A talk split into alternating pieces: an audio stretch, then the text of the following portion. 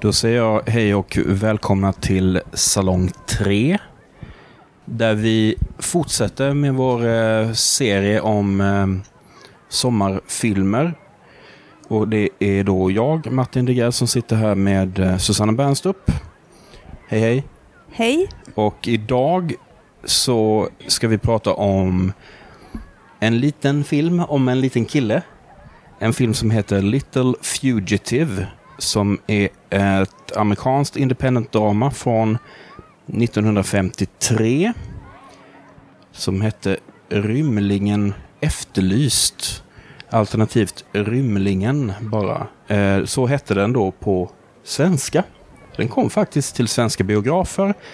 Även om det var typ två år efter den hade haft amerikansk premiär. Då 1955 kom den till Sverige. Det är ett, ett litet drama, kan man väl säga. Lite, dra eller lite komedi också, lite äventyr. Eller hur skulle du klassificera den genremässigt? Ja, alltså jag funderar på om det är så att detta är en barnfilm. Ja, det är det ju på sätt och vis. Mm. Den har ju barnets perspektiv. Den har barnets perspektiv och eh, den har eh, ja, men vissa sådana här lite eh, barnlogik i sig också. Ja, verkligen. Hur, hur de agerar och vilka beslut de fattar. Ja. Hur de eh, behandlar varandra och sådana här saker. Mm. Jag tycker det finns mycket man känner igen där från sin när man själv var liten. Men det är i alla fall eh, ett väldigt eh, independent eh, produktion i alla fall kan man ju säga. Som är då skriven och regisserad av en trio. Raymond Abrashkin, eh, Morris Engel och Ruth Orkin. Och om dem kan man ju säga att eh, Morris Engel eh, och eh, Ruth Orkin, de var ett gift par. Eh, bägge två var fotografer. Stillbildsfotografer alltså, som då liksom gjort karriär lite grann samtidigt. Det är ju även Engel som står för eh, fotot i filmen. Men Orkin, om man läser, jag kan rekommendera att man går in på typ hennes Wikipedia-sida och läser lite om henne för att hon hade en ganska spännande bakgrund. Med ganska mycket kopplingar till både så här gamla Hollywood och eh, så här intellektuella New York. Jag vet inte om du har läst det? Jo, jag gjorde också Ja. det. Och sen fanns det ju en rolig detalj. Det var ju det att hon hade cyklat över kontinenten. Jaha, det missade jag. Som 17-åring. Oj. Nej, men hon, hon verkar vara en, en kul typ och Ja. de ihop verkar ju ha gjort en massa saker. Han var väl krigsfotograf tror jag under andra världskriget och så. Och den här eh, eh, Abrashkin var väl eh, en kompis till dem helt enkelt som inte har gjort lika mycket grejer som de sen har gjort liksom inom filmvärlden. Men eh, Engel och Orkin gjorde ju ytterligare en film ihop som heter Lovers and Lollipops. Men noterbart för svenskt vidbekommande är att Engel gjorde även en film som heter Weddings and Babies 1960 som hade svenska-amerikanska Vivica Lindfors i huvudrollen. Oh. Det här är ett litet eh, drama, en liten dramakomedi som handlar om en, om en liten kille som hamnar på Coney Island i eh, New York utan någon vuxen med sig så att han, han får irra omkring där lite grann. Den är filmad med en handhållen kamera, eh, 35 mm utan ljud. All dialog är pålagd efteråt, vilket det märks tycker jag. Och jag vet att Engel, han lyckades på något sätt eh, ha någon sorts kamerarigg som gjorde att han kunde dels eh, hålla kameran liksom dold. Så att man kunde så här guerrilla-style filma. Ut, troligtvis utan tillstånd. På Coney Island utan att en massa statister, typ så här glod, eller statister men besökare på Coney Island så här glodde in i kameran. För det hade de garanterat gjort. Det hade ju varit omöjligt att göra om de drog dit med ett stort filmteam. Och sen också i perspektivet. Alltså det är ju ofta kameravinkeln är ju oftast i, ehm, i, vad ska man säga, vad heter den höjden? Barnhöjden. Ja, barnhöjd. Jo, det Ja, var det men, andra jag eh, tänkte säga. Ja. Att då, just att kameran ligger liksom, har inte det här vanliga perspektivet att en halvbild på en människa är liksom huvudet på en vuxen ner till liksom midjan. Utan den ligger liksom på, oftast på huvudpersonen Joeys nivå. Och han är ju sju år. Eh, så att man får lite den här effekten som man får i typ eh, Snobben eller eh, Tom och Jerry och sådana här. När man, man inte ser huvudena på vuxna. Utan Nej, de, man det. ser bara liksom, man ser det från barnens perspektiv. Mm. Eh, men den här dolda kameran, det var ju lite, det var ju ganska häftigt att han kunde göra den och, och också ha den då handhållen. Och jag menar på den tiden var ju kamerorna stora. Det får man inte glömma bort. 35 mm var ju extra stora. Jag, jag var förvånad. Jag trodde att det, garanterat att det här skulle vara filmat på 16 mm som är lite mer hanterbara. Men tydligen så, så blev två så olika filmare som Stanley Kubrick och Jean-Luc Godard mm var tydligen jätteimponerad av den här kameran och har tydligen eh, vid separata tillfällen lånat den av Engel efteråt, vilket är ju en ganska skojig trivia. Ja. Men vi kanske ska hoppa rakt in i handlingen. Det här är ju en film som... Eh, den, har inte jättemycket dialog. Eh, det är en eh, eh, film som man liksom man följer liksom med på ett lite... Det är lite flugan på väggen. Verité, det är lite proto-verité. Alltså verité, cinema verité pratade man ju om på 50 kanske framförallt 60-talet som eh, att eh, alltså, kameran registrerar det som sker. Eh, på, man pratar ofta om det i dokumentärsammanhang. Och här finns det också ett väldigt autentiskt, det är allting inspelat i existerande miljöer. Det är väldigt naturalistiskt allting. Det är amatörer i typ alla rollerna. Jag tror att den här lilla killen, det var ju den enda filmen han gjorde, vi ska se vad han hette. Han hette så mycket som eh, Richie Andrusco. Mm. Han gjorde bara den här filmen. Eh, så att den har ju väldigt mycket av det här och naturligtvis filmat i svartvitt då. Det ger en, en, en väldigt speciell känsla. Så även om absolut att det är liksom en barnäventyrsfilm eller sådär. Men den är ju det på ett väldigt speciellt sätt. Jo, alltså jag tror att eh, man uppskattar den kanske mer som vuxen. Än, men man kan ju uppskatta den som barn också, men då tror jag kanske att man ser någonting annat. Ja, precis. Det finns ju något eh, både häftigt och spännande men också lite läskigt med Ja, det här scenariot Visst. som Mm. lilla Joey hamnar i. visst. Men vi befinner oss alltså i New York, i Brooklyn. Mm. En liten kille som är då titelns Little Fugitive, alltså Joey. Han sitter på eh, trottoaren och eh, målar med, eller ritar med krita.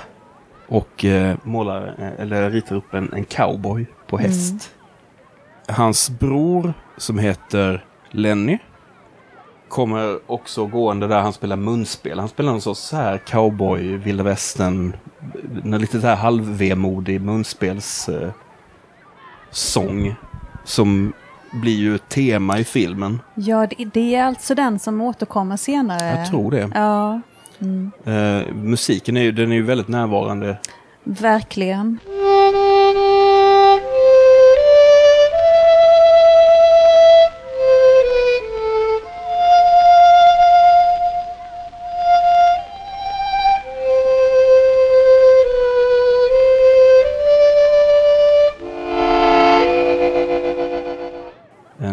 En munspelare som heter Eddie Manson som har gjort den. Och eh, vi ser då ett efterspel till ett bråk. De är liksom sura på varandra. Och eh, storebror Lenny säger att eh, men kom igen Joey, var inte så sur, jag skojade bara. Och, typisk, vad ska man säga, någon sorts så här storebror lillebror dynamik när man retas med varann men ändå typ leker med varann jämt. Mm. För att det är väl det, är det man har liksom. Ja, Och nu är vi då på 50, tidigt 50-tal. då. Ja, Det här undrar jag lite över hur det här kom till. För vi får en, en liten eh, berättarröst här. Som sen inte återkommer i resten av filmen.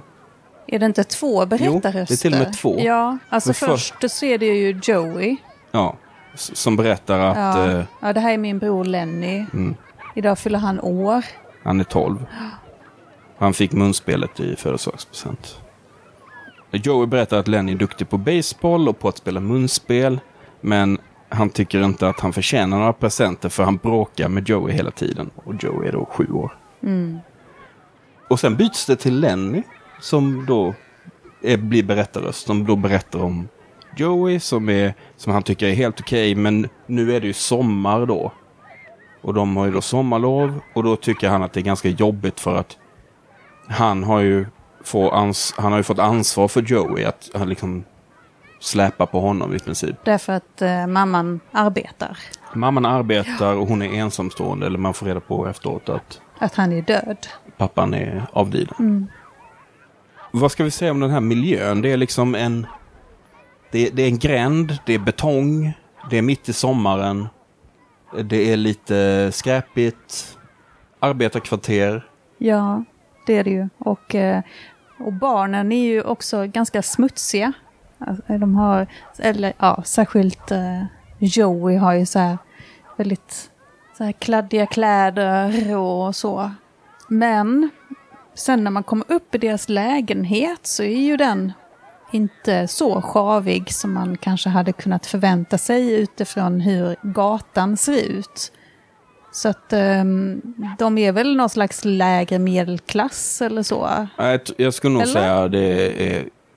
Det är arbetarklass. arbetarklass. Ja. Jag tror det där är en... eh, Jag tror att, um, nu gör jag lite jobb för filmens eh, räkning här, men Mm. jag tror att det här med lägenheten tror jag är en typisk så här en rekorderlig arbetarbostad. Du vet, det är viktigt. Mm. Det var någonting som även fanns i liksom arbetarrörelsen i, i Sverige. Det var ju väldigt viktigt på den tiden att det var viktigt med ett helt och rent hem. Mm. Det var superviktigt för, för liksom någon sorts anständighet på något sätt. Att man har liksom ordning och reda hemma. Liksom. Man har fint, man har, det är städat. Eh, man, har, må, man må inte ha mycket, men man har åtminstone liksom en välskött bostad. Och, eh, och ser man på de kvarteren som de befinner sig i och även också hur liksom deras kompisar och, och sådär och vad de har att leka med. De har liksom nästan inga resurser så att säga. Eh, det är snålt med pengar, det är uppenbart. De får klara sig själva. Eh, men de har tv, det, det har de ju. Och mamman visar sig jobba i, en, i ett varuhus. Mm, just det. Eh, det är hur som helst lördag. Och eh, vi märker ju direkt här att Joey är väldigt inne på cowboys och hästar. Och han har ju så här leksaksrevolver som han bara... Ja, revolvern är ju så stor så att, och den hänger i ett bälte så att han tappar nästan sina byxor. Alltså Ja. revolvern är ju nästan lika stor eller lång som hans, lång som hans ben är. Och eh, när de eh, sen lirar lite baseball på gatan då med ett par andra barn så märker man ju att Joey får ju knappt vara med. Han får ju tjata Nej. sig till Ja. Mm. att vara med. Och man kan ändå, man förstår bägges perspektiv för att han är ju så pass mycket yngre. Så att han är ju, han kan ju inte liksom leka riktigt på de, samma nivå som de andra och så. Men Lenny är ju, ja, han låter honom vara med. Ja, men eh, det verkar ju också som att det är de här kompisarna, eller särskilt en av kompisarna som är mest skeptisk till att låta Mm. Joey vara med. Jag tycker att överhuvudtaget att um, förhållanden eller relationerna mellan liksom både mellan bröderna och mellan bröderna och de andra kompisarna känns otroligt realistiskt. Ja, Det, verkligen. jag, känner, det är som jag känner igen den dynamiken supermycket från när jag var liten själv. Den här märkliga att saker och ting kan vändas väldigt snabbt.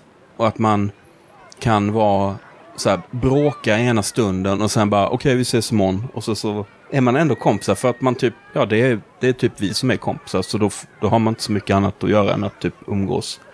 Och att eh, det här med att man retas och att man inte liksom förstår riktigt konsekvenserna av Ja. handlingar och sånt. Jo, och sen också det här att ena stunden så får man vara med och leka och så är man glad för det. Men så visar det sig att det finns en baktanke. Eller plötsligt så bara vänder det.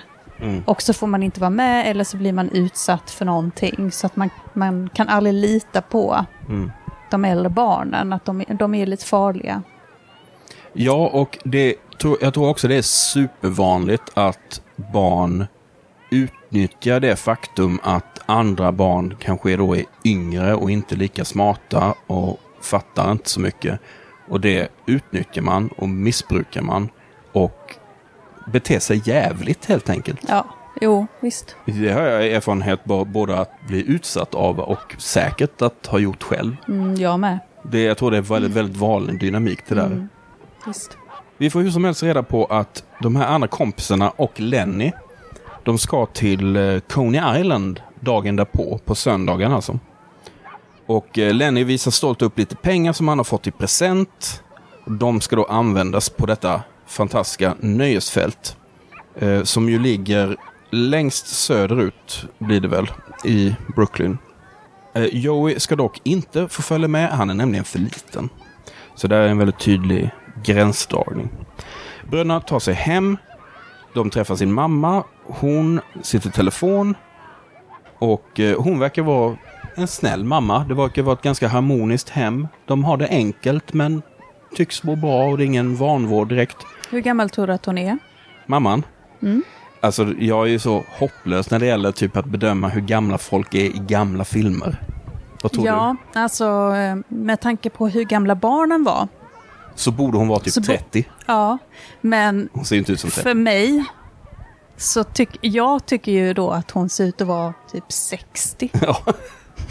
Men det är ju både för stilen och klädseln och sådana saker. Ja, Och att det är en, gam en gammal tid. mm, Men mamman har hur som helst fått ett, eh, ett tråkigt eh, telefonsamtal. Det är nämligen så att hennes mamma, killarnas eh, mormor, är sjuk. Och eh, hon verkar bo i en annan stat. Eller åtminstone upstate New York eller någonstans. Kanske New Jersey, vad vet jag. Men det är så att mamman måste åka dit och hälsa på henne och ta hand om henne lite. Och Hon eh, och jag gillar den detaljen att hon ska ta tåget. Och det är också en sån detalj liksom att de har ingen bil. Det här är USA. Visserligen New York, där har man inte bil i lika stor utsträckning. Men de har inte bil. Hon måste ta tåget till var mamma nu bor någonstans. Och eh, är då tvungen att berätta för Lenny då att Sorry, eh, det blir nog inget Cone Island för din del för att du måste ta hand om Joey. Jag kommer inte hem förrän söndag kväll, typ. Ehm, Joey han, får, han kan inte vara ensam. Nej, precis. Det, jag menar, alltså hade det varit idag så hade det, tänk dig själv. Så här, ja men eh, jag lämnar min 12-åring och min 7-åring med så här, inget varsel alls, jag måste gå nu. Här är några dollar som ni kan gå till affären och handla lite livsmedel och typ laga lite mat. Mm. Hej då, vi ses. Det hade ju liksom typ folk anmält om de har fått reda på det idag. ja men det, det är lustigt hur sånt förändras. Men Lenny blir ju inte glad över det här naturligtvis för att det innebär ju att hans eh, besök till Coney Island blir ju helt enkelt inställt. Nu kan man ju tycka då att, ja men vadå, de, ni bor ju trots allt i Brooklyn. Då får du väl åka nästa helg då. Men är man barn så är man. Då är... Ja, men då, då kan man ju inte se saker och ting i perspektiv. Nej, exakt. Och han hade ju sett fram emot detta och laddat detta för detta med sina kompisar och sådär. Så att han blir ju sur över det. Och särskilt då när, eh, när anledningen är eh, eh, hans lillebror då. Det är ju det är ju liksom hans, då blir det ju Joeys fel att Lenny inte kommer iväg. Mamman säger ju liksom att så här, ja men du är ju liksom så här, the man of the family nu. Nu får du ta lite ansvar här nu. Och han blir ju sur och säger, ja men jag vill inte vara man of the house. Då får han ju liksom så här sanningens ord av sin mamma som säger att ja men du, det är faktiskt mycket vi inte vill här i livet. Eh, jag kanske inte vill jobba i varuhuset, men vi måste äta. Du, nu är det bara så. Hon är inte sträng, men hon är ändå så här och säger några sanningens ord. Så, och den landar ändå hyfsat, tycker jag. Mm. Så hon sticker iväg och de sitter och äter sin lunch, korv och med bönor Mm. Jättegott. och ser lite deppiga ut. Och eh, hon har ju lämnat lite pengar till dem. Barnvakt är det ju aldrig tal om. Det, alltså, jag tänkte så här att om det skulle vara att de säger till en grannfru eller någonting så där kan inte passa ungarna. Så det är liksom inget snack om det utan det är bara de får bara klara sig själva. Är det så? Är det inte så att ja, men om det är något problem så kan ni höra av er till den? Jag vet inte, sa hon det? Ah, jag Ja, så inte. hon Skitsamma. ringer ju i alla fall och kollar med dem lite. Ja, ja. Så, så det är ju inte så att hon bara drar. Eh, Lenny, eh, efter maten diskar han och, och, ses, och är sur, surar. Och så försöker ju Joey med en liten så här fredspipa eh, pipa kan man säga. Mm. Han, eh, Försöker ge en liten present. ja, han skriver ett födelsedagskort och typ, vad är det han, ja, han tar en, En boll. En boll och Som man han- ska svepa in det här med. Fast Ja. pappret är ju alldeles för litet. Ja, och så, så ger han den Ja. bollen till Lenny. Men I- Lenny blir, han blir bara sur över det. Mm. Och istället går de ut och, ehm, och då gör Lenny en sån grej som jag också känner igen. Han lurar honom att, uh, lurar Joey att uh, leka kurragömma. Mm. Ja, räkna till hundra och så börjar Joey räkna och då bara springer Lenny iväg Mm. och typ överger honom. Och under tiden så går ju Lenny till sina kompisar och är tvungen att berätta då att "Ja, hör ni killar, det blir faktiskt ingen Coney Island. Och de blir ju skitsura. Mm. Och sen blir det ju en jättekonstig diskussion. Ja, Ja, alltså en av hans kompisar föreslår då, eller börjar prata om, hur ska man göra för att så här, eh, få bort Joey? Hur kan, man, eh, hur kan man döda honom? hur kan man döda honom? Vi kan begrava honom i cement. Jag vet, säger en av dem, vi kan hugga ihjäl honom med en istapp. Och sen så när den smälter, så är det perfekta mordet. För det, sen smälter den så finns det inget mordvapen. Jättebra. Men ingenting av det här chockar mig, för det är liksom absolut. Det, det liksom, jag kan absolut se den, det snacket gå. Att, att man pratar om sådär, tänk om man skulle mörda den, du dödar honom och sånt. Döda han. Bara för att de är sura liksom. Men till slut så, så, ehm, så joinar ju Joey dem igen. Och då har de ett litet eh, eh, typiskt oövertänkt spratt som de tänkte lura Joey då. Mm, Så får oväntade konsekvenser. just det. För det är nämligen så att en av killarna har ett eh, luftgevär. Som eh, de står på en ödetomt med och leker med det. Och eh, Joey naturligtvis tjatar så här, "Åh, får jag testa, får jag testa? Och de bara så här, nej du är för liten. Och sen till slut så säger de så här, okej då, du får testa. Och eh, de lurar ju honom så att han så att säga råkar skjuta åt Lennys håll. Mm.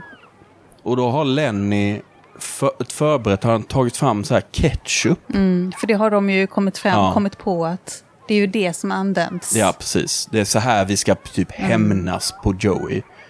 Trots att han ju inte har gjort någonting. Nej. Eh, så Lenny kletar liksom in bröstet med ketchup och låtsas som att han blir träffad av det här icke-existerande skottet. Och de, bara, de andra killarna bara, vad har du gjort Joey? Du har dödat din bror, han är död.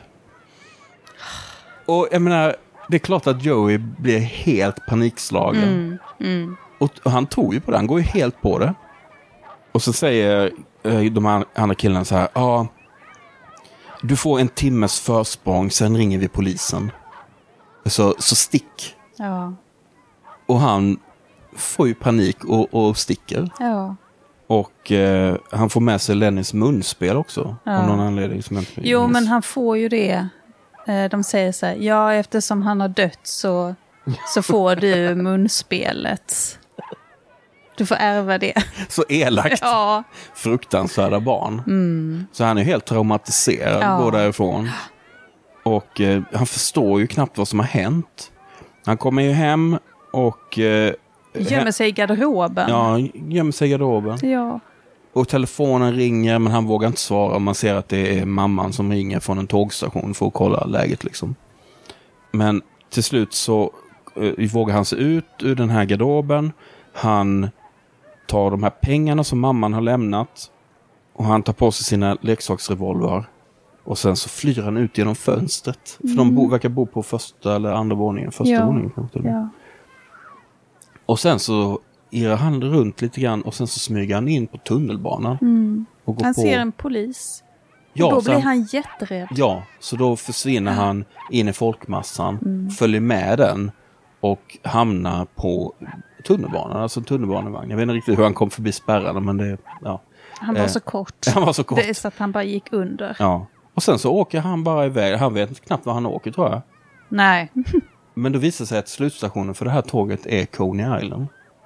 Så att han... Plötsligt så är han ju på Coney Island. Stället som han inte fick lov att åka till och som de andra killarna skulle ha åkt till. Plötsligt är han där. Och det är lördag. Det myllrar med folk. Det är jättemycket folk. Det är sommardag. Och där är han, liksom storögt. Och under tiden så ser man ju, så tillbaka till Lenny och dem. Och eh, det var det här jag menade med att eh, det här typiska så här barnbeteendet med att ena stunden är man kompisar och andra stunden är man bråkar man. För att de, Just de har ju då ja. Mm. konspirerat här. Och sen nu plötsligt så blir de ju ovänner så här direkt. Och Lenny stormar istället hem och ser då att eh, Joey har försvunnit med pengarna. På Coney Island, från och med nu då, ungefär, så hamnar ju kameran som vi pratade om då i, i ganska mycket i hans eh, höjd så att säga. Vi ser ungefär i den höjden som han ser. Mm. Förutom på vissa he- helbilder, så mil- övergripande miljöbilder. Och det är också som att man ska höra det som han hör. Att det är vissa, vissa ljud som är, är väldigt framträdande. Som, eh, ja, som de som håller på och ropar ut att man ska komma dit och göra massa olika tricks, kasta bollar och... Ljudbilden är ju överväldigande. Ja, verkligen. Och även de- här bilderna som dyker upp då också med så här, man ser olika dockor och Mm. eh, så här eh, godishjul och, och grejer. Precis, och allting är så Tombola-grejer. tombola. Det är så överväldigande och Ja. Ganska otäckt faktiskt. Ja. Precis, jag noterade också att han var, han ser ju sig väldigt storögt omkring. Man får ju intrycket av att han kanske aldrig har varit där. Eller? Var Det är lite oklart faktiskt. Ja, det är väl oklart. Ja, hur som Ja. helst, han är ju så ung va, så att han är storögd, tittar sig omkring, han är fascinerad men också lite, det är li, också lite obehagligt för det är ju en, det är ju en förbjuden, han vet ju att han egentligen inte får lov att vara där, han är för liten. Och sen är ju allting är liksom, kommer ju över honom. Ja. Och det är vuxet på något sätt. Att det är Ja. mycket, det är många vuxna och de tilltalar honom. De försöker ropa in honom som du sa innan. att Step right up och Mm. eh, spela här och kasta bollar på burkar. och Det är de här mekaniska clownerna som ry- så här ryckigt, så här robotaktigt. Mm. eh, Med inspelade röster som vevas om och om igen. Och det är Och det är ju jätteläskigt faktiskt. Ja, och det är någon som så här, sträcker fram ett gevär. Ska du inte skjuta med det här? Och det är lite skräckblandad förtjusning, onekligen. Men han hamnar i alla fall vid en, en karusell eh, och ser ju de här hästarna som åker runt, runt. Och hästar är han ju väldigt förtjust i. Eh, men sen kommer han ju liksom på att han, han har ju faktiskt eh, pengar. Så han köper en biljett och, åker till karusell. Och det är väldigt fint för han, han sitter och klappar hästen, så du det? Han sitter och klappar manen. Och han eh, så här, låtsas som att han rider på en häst Ja. också. Med tömmarna och sådär. Ja. Sen var det någonting som jag tänkte fråga dig om som jag inte riktigt förstod. Det är den här konstiga ringen. ja, alltså jag fattar inte heller det. Vad Karusellen det åker ju runt, runt, runt. Och vid en punkt längs varvet så är det någon form av liten ring eller någonting. Som folk så sträcker sig efter för att ta eller nudda eller jag vet inte riktigt vad de, Nej, de jag gör. fattar inte det heller. Jag tror att det har att göra med att om man kanske träffar den eller kastar något på den eller lyckas plocka upp den eller någonting så kanske man får åka en gång till eller någonting. Jag vet inte, det är någonting skumt med det. Ja, men, han, man, men den verkar ju vara lite högt upp därför att han når ju inte riktigt dit. Han är alltså ju det så ser kort. jättefarligt ut. Han, Ja, alltså det ser ut som att han ska ramla av när som helst. Ja. Jag fattar inte, hur många barn tror du trillar av där varje dag liksom? Sen så blir han ju trött och nästan somnar Ja. Men sen så blir det, ju- sen blir det också väldigt hög volym. Så han blir lite rädd och Mm. Ja, springer därifrån. det blir, så, det, blir, det blir för mycket. Det blir för mycket, det blir väldigt många intryck. Mm. Allt detta då, alla hans upplevelser här på eh, Coney Island och den här eh, promen- strandpromenaden då eh, varvas ju av de här fantastiska bilderna på ja, men hela den miljön. Det är ju det är ju väldigt fint. Alltså det är otroligt kul, det är extra kul om man har varit där att se hur det på många sätt ser likadant ut som det gjorde då. Alltså det är mycket som är bibehållet. Och sen alla människor och hur folk är klädda. Och... Ja, det är jätteroligt att se faktiskt. Och, ehm, och då är det ju extra roligt också det här att det ju inte är statister utan att då får man ju väldigt dokumentär känsla. Ja, verkligen. Det är verkligen som folk såg ut då. Mm. Och, och frisyrer och... Och det är ganska hög medelålder ändå. Alltså, Ja, jag, jag tyckte det var lite- blandat, va? Ja, Alltså- ganska blandat. Men mm, man föreställer ju sig att på ett sånt här nöjesfält att det ska vara någonting som barn tycker är jätteroligt. Mm. Men, men man får inte se sådär väldigt mycket barn. Men vid några tillfällen så ser man att Joey stannar upp så här och ser sig omkring. Och då ser han några barn som är i sällskapet av någon vuxen. Mm. Men han är ju där ensam. Det är också på något sätt talande för tiden att han kan gå omkring där typ så länge som han gör. Ja. Utan att någon, typ ingen vakt, ingen polis, ingen annan vuxen är så här. Vad har du gjort av mamma och pappa? Utan det är bara så här. Ja, han är väl där själv då. Mm. Eh, han gör ju en massa roliga saker. Han, eh, han, tar, eh, han har ju faktiskt pengar och de där pengarna de räcker ju ganska långt. Det var väl så här 6 dollar eller någonting. Ändå, det skulle de köpa livsmedel och middag för och sånt. Mm. Han tar ju foton, bland annat. Han, han träffar ju någon, någon eh, lustig eh, fotograf. Där man kan köpa sådana här, ta foton där man sådär poserar med en sån eh, typ en docka eller träfigur där huvudet är borta så man liksom stoppar in huvudet och så, så ser det ut som att man har typ en cowboykropp. Och det han. gör ju han då, såklart. Ja. Och, och så leker han fotograf där lite grann och sådär. Det, ja, men det är en ganska fin liten scen och Sen tycker jag det är väldigt roligt när han eh, provar på alla de här roliga sakerna. ja. Som till exempel när han är ute och kör båt. Ja, Det är ju jätteroligt. ja det är väldigt, väldigt roligt. Och kör små bilar och... Ja. Han, han kastar bollar på de här burkarna, så klassiska nöjesfältsgrejen. Tre bollar för 10 cent eller något sånt där. Jo men det där är ju någonting som är, är en återblick till eh, tidigare i Brooklyn. Alltså när de lekte. Ja, precis. Då lekte de just det här att de, med att kasta bollar Ja. och få ner burkar och sådana grejer. Mm. Och han, eh, det återkommer ju. Han, han går ju iväg och övar lite med lite olika grejer och sen så går han dit och kastar igen och så gör han det igen och ja, blir han bättre och bättre. Och till slut så vinner han ju. Ja, det gör Han klarar ju Mm. klarar det till slut. Men vad är det han får för någonting? Han får någon slags halsband. Ja men vad är det där? Det ser ut som en korv. Nej? Nej, jag vet inte vad det är, men det ja, så plastband med sånt grova plastbitar av något slag, va? Ska man bli glad för det eller? Ja, jag tror det. Det. Det var det bästa man kunde få på den tiden. Ja, På den gamla tiden. ja det är Det kanske är att det är brunt. nytt. Det är något brunt. Ett brunt halsband. eh, nej men han, han testar ju massa olika saker. Det här är ju den fasen av vistelsen på Coney Island där han faktiskt har, det är ju bara skojigt. Han eh, testar och han går in i en sån här baseballbur liksom där, han, där det kommer så automatiska bollar som man får testa att slå. Mm. Det hade jag velat göra. Jaså? Det, ja, det jag tyckte jag var jätteskojigt. Jag har aldrig eh, svingat riktigt med ett så här baseballträ mot en boll. Jag menar, nu räknar jag inte brännboll då. Utan bara så här, ett riktigt basebollträ. Har du gjort det? Nej, det har jag Har inte. du spelat baseball? Nej, det har jag inte. Är du duktig Jag- på eh, eh, trä, vad heter det? Nej, jag, eh, jag hatade brännboll. Mhm. Men eh, det är ju någonting väldigt speciellt det där med att kunna, just det här att han kan göra alla de här sakerna, testa alla de olika eh, aktiviteterna och så, det, är- det är ju drömmen. Det är ungefär som att så här, man vaknar upp och plötsligt så är allting gjort av godis. Och man kan äta hur mycket godis man vill. Och han har ingen vuxen som säger nej, nu är det nog. Nu, Ja. nu, behöv, nu ska du inte göra det här mer gånger.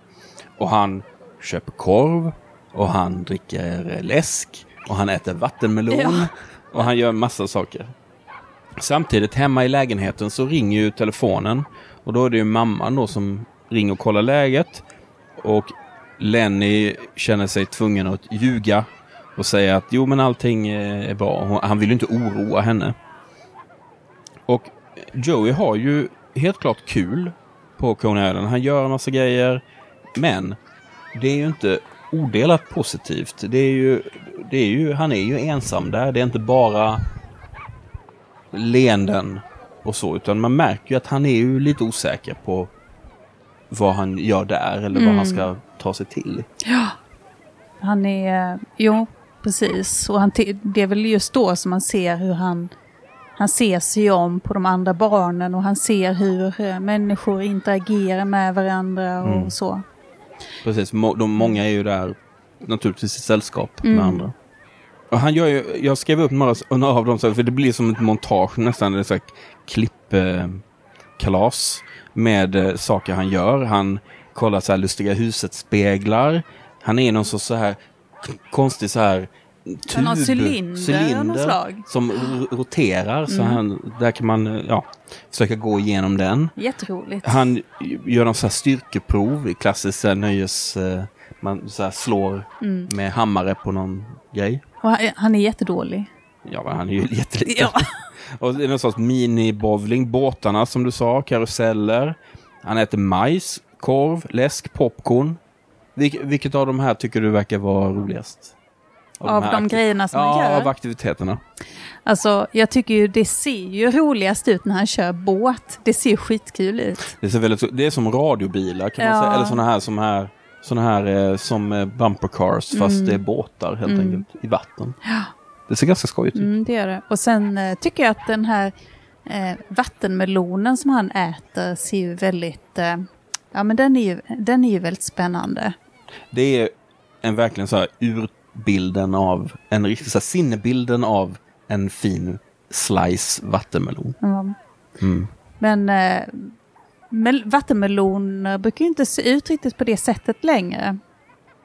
Alltså Nej. den här ser ju nästan grotesk ut i jämförelse med hur vattenmelon ser ut nu. För nu, de som vi köper har ju inte så mycket kärnor i sig och Nej. kärnorna är ganska små.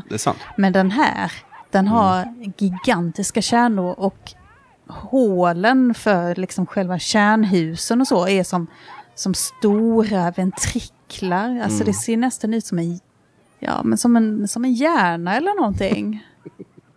Jag tycker den ser god ut. Jag tycker också den ser god ut, men jag blir fascinerad av den. Mm. Ja, det var ju innan, ehm, innan vi fick de här eh, eh, finmanipulerade vattenmelonerna vi har idag. Det vill säga de, de bättre. Ja, det är det ju. Mm. Mm. Vad har du för så här historia eller erfarenheter av nöjesfält annars? Vad är det bästa du har gjort på ett nöjesfält? Eller vilket är det bästa nöjesfält du har varit? Eh, jag tycker nog att ehm, eh, Tivoli i Danmark har varit det bästa som jag har varit på. Mm. Jag växte ju upp i um, Ängelholm och eh, då var det ju ganska då var det ju ganska nära till eh, Köpenhamn. Så vi åkte ju både till Backen och till, till eh, Tivoli i Köpenhamn. Mm. Och ehm, ja, jag minns särskilt en tur till eh, Tivoli i Köpenhamn då jag åkte berg och dalbanorna. Både den som då var ny och den gamla, Mm. rangliga i trä. Och det var fantastiskt roligt. Och sen eh, kom jag till, ville jag ju hemskt gärna komma till eh, Gröna Lund. Men det var ju jättetråkigt i jämförelse. Liseberg hade jag ju en fantasi om. Och jag kom väl dit också någon gång men jag tyckte inte att det slog eh, backen och framförallt då tivoli. Mm. Det var jättelänge sedan jag var på både Liseberg och Gröna Lund. Liseberg är väl bäst så, av dem. Ja, det tror jag. Om man nu ska vilja ha de här stora Ja, jag tror det. upplevelserna. Ja.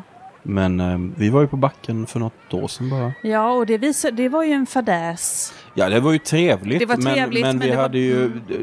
Backen då, för de som inte känner till det, ligger ju precis utanför Köpenhamn och är liksom ett lite äldre nöjesfält kan man säga.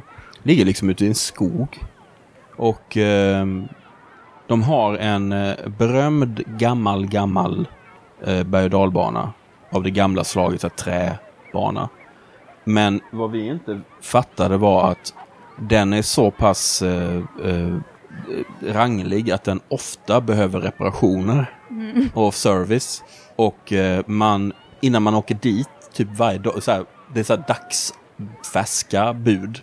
Så måste man så här, gå in på deras hemsida och kolla så här, är den igång idag? Och det hade inte vi gjort och naturligtvis var det en sån dag då den inte var igång. Och det var ju faktiskt en av anledningarna Ja, till att vi åkte dit. Det var det faktiskt, men vi hade ju kul ändå. Ja, det var kul. Mm.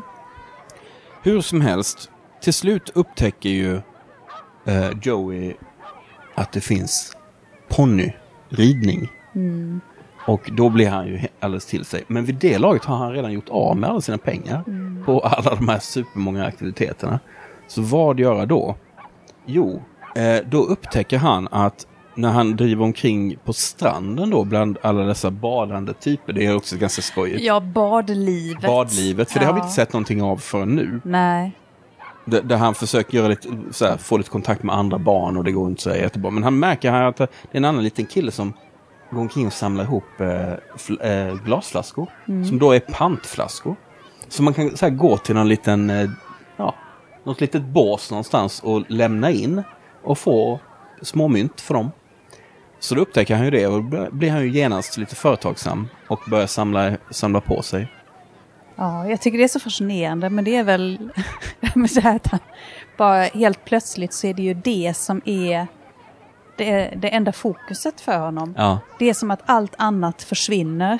Då är det bara, det enda han ser då, det är potentiella flaskor. han blir väldigt målmedveten. Ja, och eh, så arbetar han hårt för att få fatt i de här flaskorna.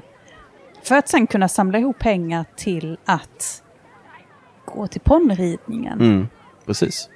Eh, En liten en parentes kring eh, strand eller badlivet liksom. Jag tyckte det var otroligt vitt på stranden.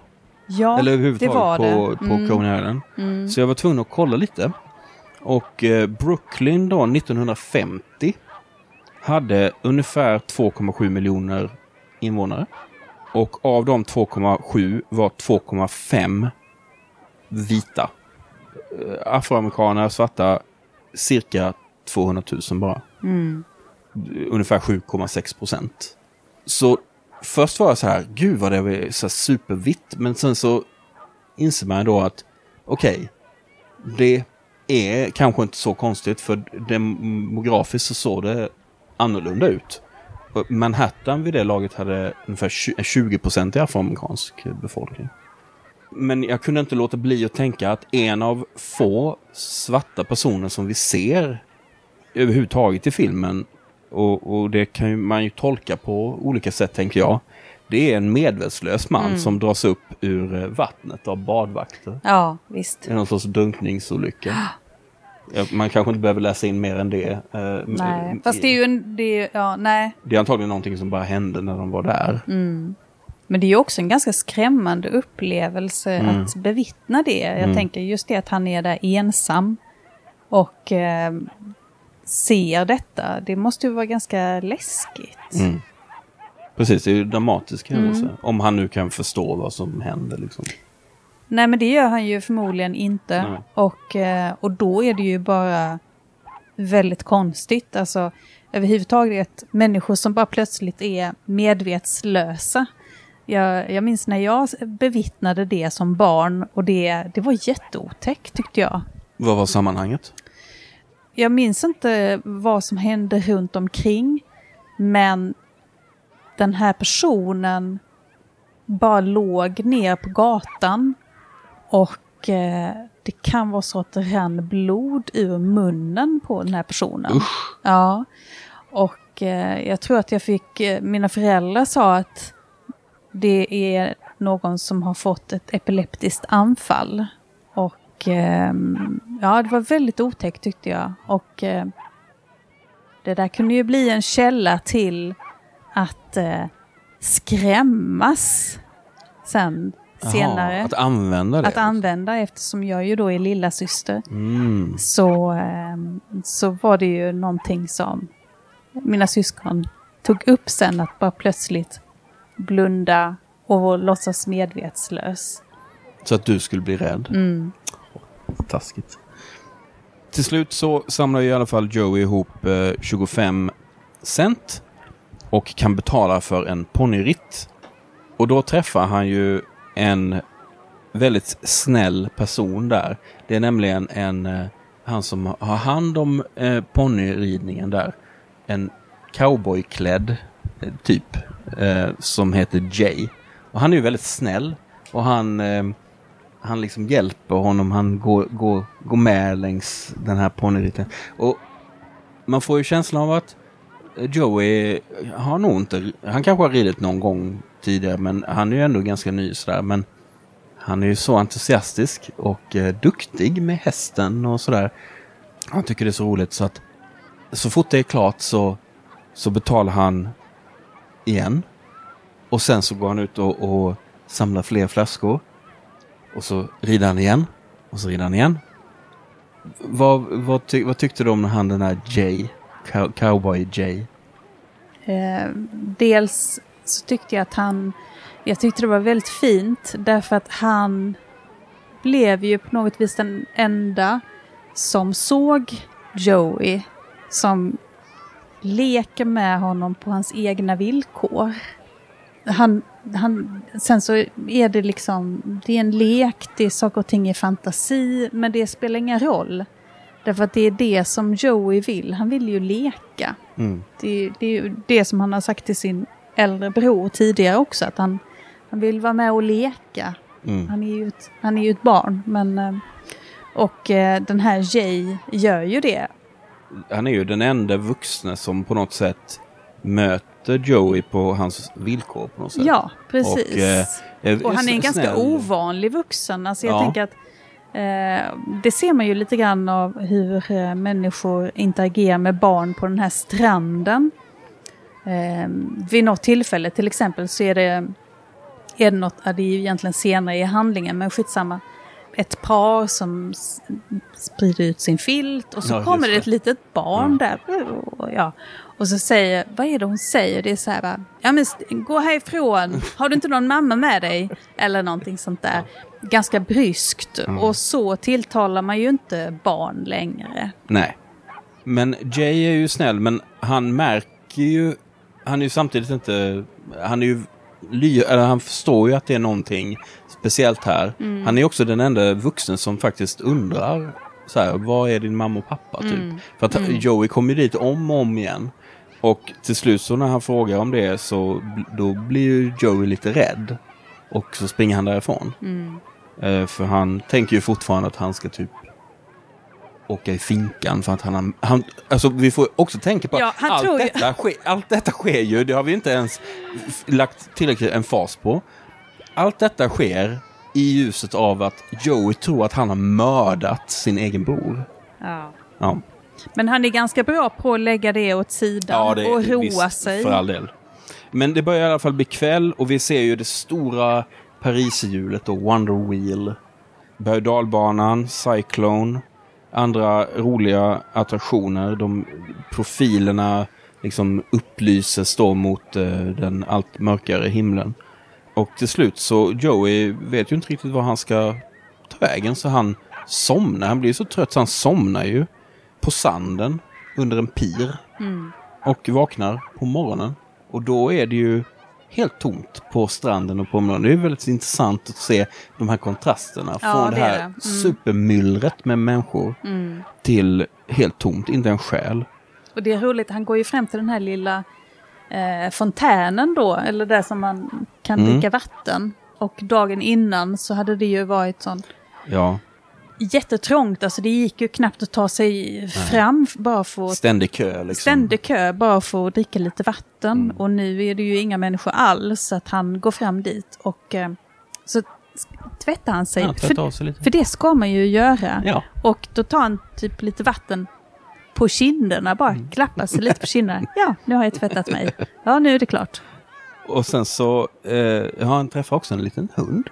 En trevlig hund som är där. Vadå på stranden? Ja, där. Alltså han, eh, han går omkring och spanar lite och så. Ja. Och så kommer det fram en liten hund som är, verkar vara, vara lite så här herrelös. Ja. Och eh, efter ett tag då, när det lite längre senare på morgonen, så kommer ju då Jay tillbaka till promenaden med, eh, med sin häst eller sina hästar. Och upptäcker, ja, Joey, är du här igen eller är du fortfarande här? Och återigen så visar ju Jay hur fin han är. Liksom han, han får Joey på gott humör och han, de leker lite med så här, låtsasreptricks och cowboy-tricks och grejer. Och han säger så här, men du kanske vill börja jobba här hos mig? Alltså jag tycker verkligen att han, det han så här, visar då när han leker att han är cowboy, då Jay leker att han är cowboy och liksom så här, rullar på marken och kastar lasso och sådana grejer. Det är en riktig uppvisning. Eh, få vuxna skulle bete sig så. Mm. Men, eh, men han gör det. det. Han är ganska gränslös på det viset. Men han bjuder på sig själv Han och bjuder försöker... på sig själv, men det, det, vad det får som konsekvens är ju att, och det kanske är avsikten då, det är att han återvinner Joeys förtroende. Mm. Det, det är ganska slugt av honom här. Mm. För han säger ju så här, men, men du kan ju börja jobba hos mig. Men jag behöver ju veta vad du heter, jag behöver ju veta din adress och sånt. Och Joey, han uppger ju det. Och han säger Wo- eh, 11 Woodson Avenue, som då har jag kollat upp att åtminstone nu så finns det, det, det är en adress som inte finns. Den kanske fanns på den tiden, men det finns ingen sån adress i hela New York. Men det är ett lite slugt sätt av, av Jay att få reda på lite mer om, om, om Joey, för han, han, Han har Han ju goda avsikter. han har goda avsikter men han förstår ju att han har sprungit hemifrån eller, eller något sånt. Så han går ju iväg och letar upp i telefonkatalogen, letar upp eh, eh, numret till, eh, hem till Lenny och eh, får tag på honom och eh, Lenny säger, säger till honom så här, snälla håll, håll kvar honom där, se till att han stannar liksom för att jag kommer genast. Men sen så när Jay går tillbaka till ponnyridningen så stöter han ju på en polis som han bara säger så här, god morgon, hur är läget ungefär? Och detta råkar ju Joey se. Och då tror han att, åh nej, nu anmäler han mig till polisen. Och nu kommer jag åka finkan. Så att han, han flyr ju, han sticker ju därifrån. Mm. Så när väl eh, Lenny kommer, kommer dit så, ehm, så är ju Joey borta. Jay säger ju till Lenny då så här, ja men polisen finns ju där borta, du kan bara gå dit och, och snacka med dem. Men jag menar Lenny är ju ganska, han är ju i sin tur lite skraj. Ja, men han är väl framförallt rädd för att mamman ska få reda på Precis. detta. Och drar man in polisen Ja. och nej nej nej, det, det, då kommer detta att rullas upp och det är inte bra. Så han går ju själv runt och letar bland alla karuseller och sånt där. Och inom kort så är ju hela promenaden och stranden återigen packat med folk. Nu är det ju söndag, nu är ju alla lediga. Och eh, det, det bisarra sker ju att Lenny får ju närmast ofrivilligt ändå spendera dagen på Coney Island som det ju var tänkt från början. Men nu med huvudsyfte då att eh, leta efter sin bror. Jag tycker det är ganska roligt det här när, han, eh, när han är ute och letar efter, han går ju runt och frågar efter om, om eh, folk har sett honom. Och eh, folk säger ju nej, nej, nej. Och till slut så är det ju även de här hästarna och de här mekaniska dockorna som svarar honom. Så, nej, nej, nej, vi har inte sett honom. Nej, nej. Ehm, och ehm, det är ju en typisk sån sak som man som barn skulle kunna föreställa sig att, ja men att eh, icke levande ting börjar Ja. tala till en. Mm. Att, och han, slå, han, han överväldigas också utav alla dessa intryck Mm. som, som Joey blev överväldigad av. dagen innan han kom dit. Så nu är det Lenny. Mm, precis. Och Lenny får ju till slut en idé. Han börjar skriva små budskap med krita på olika ställen. Han skriver Joey, I am not dead. Och så skriver han Möt mig vid eh, the, parachute, the parachute, Parachute. parachute. Ja. Som är då eh, en attraktion där man, som är någon sorts fritt fall-variant med typ fallskärmar. Så jättegalet ut. Jättelustigt. Ja. Eh, Men det är väl också, ja, det var väl sånt som var spännande efter kriget. Ja, de kanske hade en massa över. Jag undrar, om- alltså, jag undrar om den finns kvar. Jag tror eventuellt att själva strukturen, själva byggnaden finns kvar. Men jag är osäker på om att själva attraktionen finns kvar. Ja, jag vet inte. Ja, men Eh, jag tänker att en sån attraktion hade man inte tyckt, alltså, Mm. den hade inte gått hem lika mycket här. Kanske. Nej, men jag tänker också att man, eh, i, man har liksom andra tekniker här också. Alltså, nu finns det, så fritt fall är ju Mm. Men jag tänker på den gamla tiden. Ja. ja, men numera är det ju fritt fall. Ja. Mm. Det här ger ju inget riktigt eh, resultat. Alltså det är ganska resultatlös eh, idé, eh, strategi det här. Skriva på krita. Vad Han får inte tag på... Nej, men däremot så får man ju se hur folk kommenterar det han har skrivit. Därför Mm. att han har ju nämligen stavat parachute fel. Just det, så att det är folk som så här retligt rättar och skriver Ja, så här, här. bu, så här. Så här, don't Klottrar. shoot, jump. Ja. Och sen är det någon annan som skriver don't jump Joey. Eh, men när eh, eh, Lenny är på väg upp i The Parachute så kommer han ju upp ganska högt. Och då ser han plötsligt Joey som går omkring med en prickig ballong. Ja, som han har vunnit Som han har vunnit någonstans. på någonting. på någonting. Ja. Men han tappar bort honom igen. Och eh, han äter lite glass. Och så han, det märks att han, han börjar ge upp nu, Lenny. Eh, vädret blir sämre. Det börjar åska, regna. Eh, nöjesfältet blir på nytt ödelagt. Fast nu på grund av vädret. Och man märker att Lenny, han är så här. Ja, jag måste nog gå till polisen ändå och anmäla att min bror är försvunnen. Och just då så ser han eh, Joey gå omkring på stranden och samla flaskor. Han är fortfarande igång och samlar flaskor. För Och det har ju blivit hans nya... Ja, han, han, han har blivit hans- duktig på det. Ja, Och de återförenas. De skyndar ju hem, för nu är det ju redan söndag eftermiddag och mamman är ju på väg hem. Och de hinner hem precis innan hon kommer hem också. Och vid det här laget så Joe är ju helt, alltså Lenny är ju väldigt ansvarstagande här. Han är ju supernojig och vi måste hinna hem i tid och sådär. Och det enda Joey bryr sig om när de kommer hem är så här. Ja, vad bra, nu börjar mitt favorit-cowboy-program på tv. Så han sätter sig direkt framför tvn och börjar så här pang, pang, skjuta med leksakspistoler och sånt. så att Lenny får byta kläder på honom samtidigt som han bara sitter och glor in i tvn och han så, så torkar hans hår. Och... han får ju en jätterolig t-shirt på sig. Ja, det minns Och jag inte. det är en t-shirt som med tryck som ska se ut som att han har en cowboyskjorta. Ja, Och det är små hästar på den dessutom. Ja. På vad bröstet. fint. Mm. Men jag tyckte det var ett, en, en liten eh, ja, gulligt ögonblick med bröderna. Att de, nu, nu tar ju Lenny sitt ansvar verkligen och tar hand om sin bror och så. Även om han inte riktigt registrerar det. Men eh, mamman kommer ju precis till hem då. Och sen är det ju väldigt roligt för att då, då s- säger hon så här att Åh, titta på de där ögonen på Joey. Det, de är alldeles fyrkantiga. Ni, ni har suttit här och tittat på tv hela helgen. Och sen så avslutas ju filmen med en, en lite rolig twist. Eftersom då pojkarna har varit så duktiga den här helgen medan mamman har varit borta så säger hon att nästa helg så åker vi allihop till Coney Island. Ja. Och de tittar på varandra så här, hmm. Det där, men just det där är ju typiskt sånt där en, den typen av slut som, eh, som passar i ett barnprogram. Ja, men just det här att man man kommer undan med det Mm, man kommer undan med det Ja. och eh, ja, nej, men man skulle skratta åt det som barn. Ja, men bara, Ja, man kan skratta åt annat också. också. Ja, okej då. Ja. Innan vi går in på eh, hur den togs emot och så vidare, för jag tänkte ha, ha lite om det också, men vem hejar du på? Oj, vem hejar jag på? Alltså, det självklara är ju att man ska heja på Joey.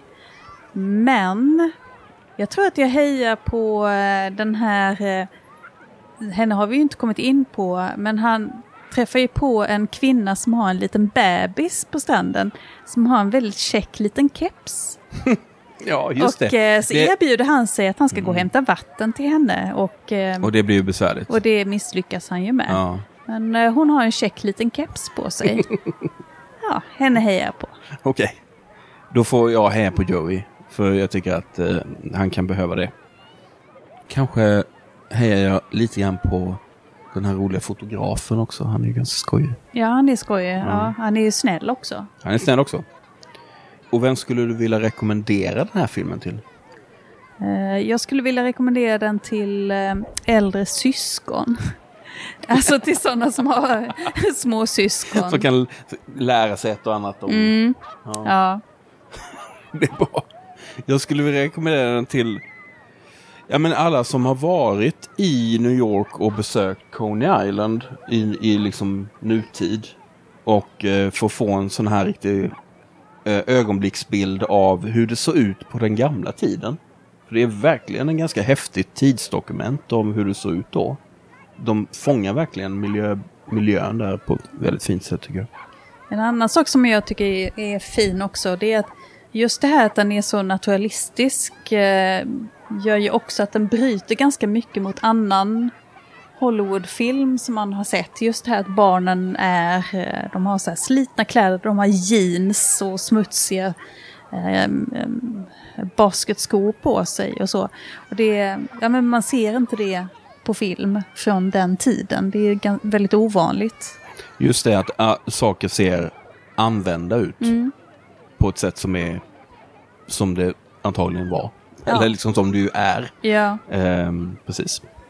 Jag ska säga lite om hur den togs emot också. Den, den, den var ju en liten film, men den togs väl emot vid premiären.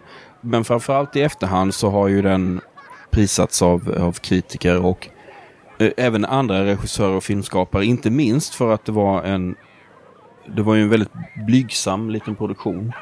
Men nominerades trots det till en Oscar för bästa manus. Som det dock inte vann. Däremot vann den Silverlejonet i Venedig. Och intressant då filmhistoriskt perspektiv är att den inspirerade tydligen franska nya vågen ganska mycket. Både för fotots skull som vi har varit inne på. Men också då sättet på vilket man använde amatörer i rollerna. Och också då hur den förespråkade det här naturalistiska berättandet och spelet. Och eh, framförallt eh, Truffaut, alltså François Truffaut, sa att särskilt hur den gjordes, alltså oberoende av studios och så vidare, inspirerade honom väldigt mycket. Och i De 400 slagen, alltså Truffauts eh, debut eh, då finns det tydligen en scen, så jag, var så länge sedan jag såg den så jag minns inte den scenen, men det som är ändå en direkt hyllning till Little Fugitive. Och det är då en scen där eh, Antoine eh, tvättar ansiktet i en fontän, precis som Joey gör. Men jag tycker det är intressant det här med att fransmännen då blir inspirerade av, av den här filmen. Och det är en tydlig illustration, tycker jag, av hur det här, så att säga, eh, inspirationer och inflytande över berättande även på denna tid gick i liksom vågor, framförallt fram och tillbaka över Atlanten. Alltså, eh, den här filmen, alltså Little Fugitive är ju väldigt tydligt, tycker jag då, väldigt inspirerad av italienska neorealismen som kom ju direkt efter kriget. Alltså Rossellini och så vidare direkt efter, alltså 45 och framåt. Med just amatörer, eh, existerande miljöer, allt det där. Naturalistiskt spel, inget övernaturligt, eh, allting så. Som sen då i sin tur inspirerar tillbaka över Atlanten till eh, den nya vågen, fransmännen. Och sen då ju inspirerar ju de nya Hollywood och så fram och tillbaka. Det är ganska skojigt. Tydligen gjordes det en remake 2006 Ja men gud, just det. som jag inte har vågat eh, kolla upp närmare. Nej. När utspelar den sig? Det vet jag inte. Nej. Men jag, jag, jag noterade att eh, Peter Dinklage från eh, känd från Game of Thrones bland annat, spelar en av huvudrollerna. Det är liksom det enda som jag vet om. Okej. Eh, det här var eh, Little Fugitive. Har du, något mer som du ville mm, lägga till? Vad tyckte du om den? Vad, vad, vi har inte ens pratat om... Eh, Nej. jag Nej, bara- jag tyckte om Det här var ju en sån film som du inte hade sett tidigare men som jag bara slängde på dig. liksom. Ja, just det. Ja, jo, men eh, och det, det uppskattar jag. Eh, Jag är väldigt glad över att jag sett den. Jo, jag tyckte den var... Jag tyckte om den. Absolut. Mm. Nästa gång så ska vi ge oss på The Swimmer. The Swimmer från 1968 va? Eller 67? 68? ja, det 67? minns jag inte. Ehm, den har du sett för. Ja, den har jag sett. Mm. Den ska bli väldigt roligt att prata med dig om. Det är då med Burt eh, Lancaster. Och eh, ja, väldigt speciell film som då är, kan vara lite mer känd än vad de filmer som vi har pratat om hittills. Tror jag, kanske. Så det ser vi fram emot och eh, tills dess så säger vi eh, hej då! Hej då!